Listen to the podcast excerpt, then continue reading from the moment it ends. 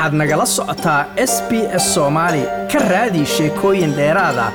S b s com au xariijin soomaali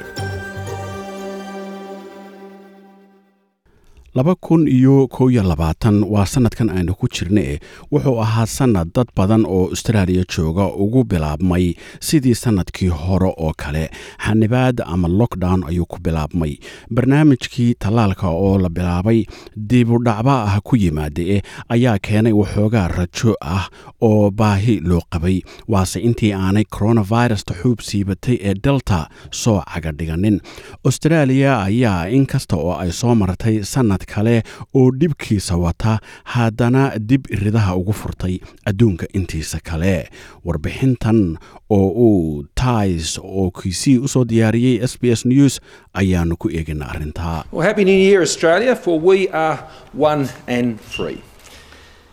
Sannad wanaagsan us, hal qura oo xor ah ayaynu nahay. heesteenna qaranku waxay ku saabsan tahay in innaga cidda aynu nahay iyo cidda aanu rajaynayno inaynu ahaano. draw together waxaan ku nool nahay dhul taariikhdiisu 300 aan xadidnayn oo ay ku nool yihiin shucuubtii hore ee ummadihii ugu horreeyey. Waxaanuna isu keenaa sheekooyin ay tiradoodu kor u dhaaftay saddex boqol oo abtirsiinyo qaraan. Ah ra'iisul wasaaraha ayaa soo dhoweeyey sannadka cusub isaga oo heesta qaranka kelmad ka beddelay si ay ula jaan qaado bulshooyinka austraaliya ee ku kala hadla in ka badan saddex boqol oo luqadood iyada oo qayb ka mid ah heesta qaranka lagu beddelay we are one and free oo macnaheedu yahay mid keliya ayaynu nahay oo xor baynu nahay.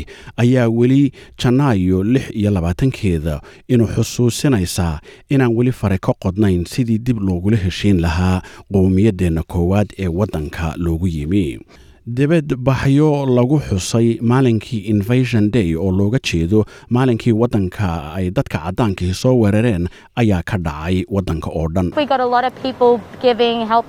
Dad badan ayaa wax bixinaya oo gacan ka geysanaya oo haddana aan weligoodba ka mid ahayn bulshadan ama aan hore uga qayb qaadanin dhacdada maalinka weerarka ayay tidhi. Uh, waxay ila tahay taas laga dhex arkayo in ra'yiga fahamka iyo dhaqanka guud ee dadweynuhu isbeddelayaan ayay tiri iyada oo sii waday hadalkeeda. Waxaa jiray koox haween ah oo loo aqoonsaday australian of the year oo macnaheedu yahay australiyaanka sannadka. Sannadkan kana waxaa sharaftaas qaadatay gabadh la yidhaahdo grace tame oo ah gabadh jir ah oo u dooda dhibanayaasha tacadiyada la xidhiidha galmada I remember him saying, Don't make a sound. Well, hear me now. waxaan xasuustaa isaga oo ileh aamus hadda i dhegaysa waryaa aniga oo isticmaalaya codkayga oo ah oo ka mid ah dhawaaqyada soo badanaya ee aan la aamusiin karin austraaliyay codkeenna ha la maqlo ayay tidhi bishii febraayo ee sannadkan qofkii ugu horreeyey oo australiyaan ah ayaa la tallaalay taas oo abuurtay rajo ah in saf maraynkani dhammaan doono kaas oo laakiin hadda daba dheeraaday rachel hogben oo ah kalkaaliso qaybta i c u-ga ah ayaa ka mid ah shaqaalihii safka hore ee markaa dareemayay yididiilo cusub. Hadda innagaa dagaalka qaadnay. dib dambe difaac ugagama jirno safmareenkan runtii innagaaba weerar ah waana maalin aad u wanaagsan ayay tiri laakiin kadib warbixinihii xanuunada aan la filaynin ee ka soo baxay tallaalka astrazeneca ee yurub ayaa waxaa la qabtay shir saxaafadeed deg deg ah. Horaantii bishii abril dhowr toddobaad uun kadib bilowgii tallaalka. Sarkaalka ugu sarreeya ee caafimaadka australia paul kelly ayaa wariyayaasha u sheegay in ay dowladdu qaadatay talo ay soo jeediyeen australian technical advisory group on immunization oo ah hay'adda australia u qaabilsan tallaalada. Taas oo ahayd in tallaalka astrazeneca lagu duro oo keliya dadka da'doodu ka weyn tahay konton jir. Dadka da'dooda ka hooseysa konton sano ayaa markaa loo aqoonsaday in ay halis sare ugu jiraan dhiig xinjirowga dhif iyo naadirka ahaa ee lala xidhiidhiyey tallaalka astrazeneca Uh, of the AstraZeneca waxaa laga helay oo keliya duritaankii koowaad ee uh, tallaalka uh, 10 astrazeneca inta badan afar ilaa toban toddobaad duritaankaas kadib ayuu yidhi. Laakiin inkasta oo dhiig xinjirowgaasi uu dhif iyo naadir ahaa ayaa haddana waxaa batay shakiga laga qaaday tallaalka haba u badnaadeen dadka waddanka soo degaya dhakhtarkan oo la yidhaahdo twan tran ayaa ka mid ahaa dhakhaatiirta aad u werigelin jirtay bulshada there are probably more hesitancy in the ethnic group. Waxay to ila tahay explain in shakigu ku badan yahay bulshada waddanka soo degtay uh, waxaan isku dayaa in aan u sharaxo muhiimadda tallaalka si aynu ula dagaalanno fayrasta ayuu yidhi dhinaca kalena s b s news ayaa daaha ka rogay eedeymo ku saabsanaa dembiyo culus oo ay ka mid yihiin tacadiyada galmadu oo ay geysteen baa la yidhi shakhsiyaad ka mid ah militariga maraykanka ee austraaliya degan sarkaal hore uga mid ahaa ciidanka difaaca australia oo a d f loo soo gaabiyo islamarkaana ah qareen glen colomitis ayaa ku ayaa ka hadlay khibraddiisa ah in a d f ay si isdabajooga ugu guuldaraysatay in ay wax ka qabtaan dhibanayaasha tacdiyada galmada Right now, I have a, a lineup of um, what they call effective administration cases. hadda waxaa la hayaa kaysas badan oo ah kuwa ay yidhaahdaan effective administration cases oo ku log leh weerarada galmada.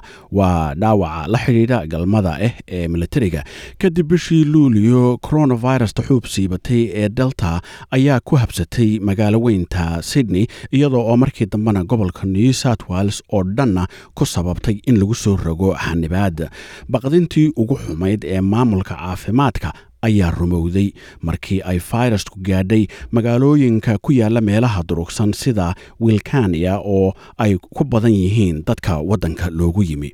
Qaar ka mida shuruucdii ugu adkayd ee gobolku weligii soo maray ayaa waxaa waddooyinka sydney ka dhaqangeliyey booliiska oo ay caawinayeen ciidamada militariga ah.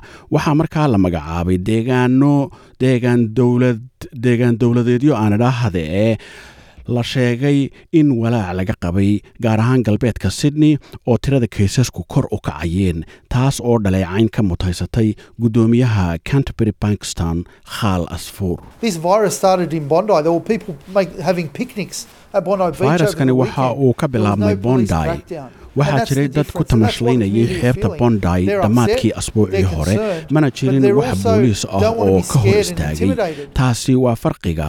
Waana taas waxa ay bulshadu dareemayso way xanaaqsan yihiin way ka walaacsan yihiin sidoo kale ma rabaan inay cabsadaan oo la cabsigeliyo ayuu yidhi bartamaha sydneyna waxaa cirka isku shareeray cadhada ay dadku qabeen halkaas oo ay kumanyaal qof ku bannaanbaxeen iyaga oo jebiyey sharcigii. Bannaanbaxan oo ahaa mid rabshado wata ayay dhammaan dhinacyada siyaasaddu oo uu ka mid yahay ra'iisul wasaaruhu dhaleeceeyeen dabcan waxay ahayd danaysi waxay kale oo ahayd mid naftooda la dagaalama faa'iidana ma keento. Xanibaadda uma joojin karto si dhaqso ah. Waxay uun sii dheerayn kartaa xanibaadda ayuu yidhi ra'iisul wasaaruhu sidaasoo kale waxa ay dadku ka bannaanbaxeen magaalada malban kadib markii dowladdu xidhay goobaha dhismayaasha muddo laba toddobaada shaqaalihii dhismayaasha ayaa markaa ku gadooday xafiiskii ururkooda islamarkaana isku gadaamay taallada shrine of remembrance taas oo ka cadhaysiisay maamulaha sare ee taallada dean ley jiilal rag iyo dumar protest australiyaan ah ayaa naftooda u the inay difaacaan ummadda. Mudaharaadkii halkan ka dhacaana waxa uu guusha ka kala dhimayaa mujaahidiintayadii ayuu yidhi. Bishii oktoobarna waxaa dhacday in bremieradii gobolka new south wales gladys brecheklian ay iska casishay xilkii premierka iyada oo guddiga madaxa bannaan ee ka hortaga musuq maasuqa ee gobolku ay markaa baaritaan ku wadeen xiriirkii iyada iyo xildhibaankii ceeboobay ee darrell maguire.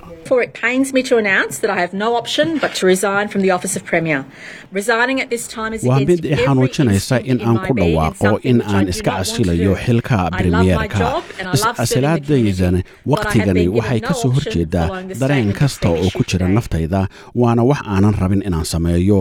Shaqadayda waan jeclahay inaan u adeego bulshadana waan jeclahay. Laakiin laakiin waa albaabka keliya ee ii furan kadib warkii soo baxay maanta ayay tidhi. Premiyeerka cusub ee new south wales dominic peretai ayaa markiiba ku dhaqaaqay inuu gobolka dib u furo kadib markii uu xilka la wareegay iyada oo uu daniel andrewga victoriana sidaas oo kale yeelay sannad aan badankiisa war dhaguhu jeclaadaan la maqlin kadibna war lagu diirsaday ayaa ka soo yeedhay gobolka western australia. Cleo smith oo ah gabadh yar oo afar jir ah oo muddo siddeed iyo toban maalmood ah lala'aa ayaa booliisku heleen iyada oo nool waanu haynaa ayuu yidhi magacaa ayuu ku yidhi gabadha yar magacaygu waa cleo ayay ugu jawaabtay. Gabadhan yar ayaa wadnaha kala baxday dadka austraaliya oo markaas ka soo baxayay sanad gebi ahaantiiba gacanta u galay covid like la wadaag wax ka dheh lana soco barta facebooka ee sb s soomaali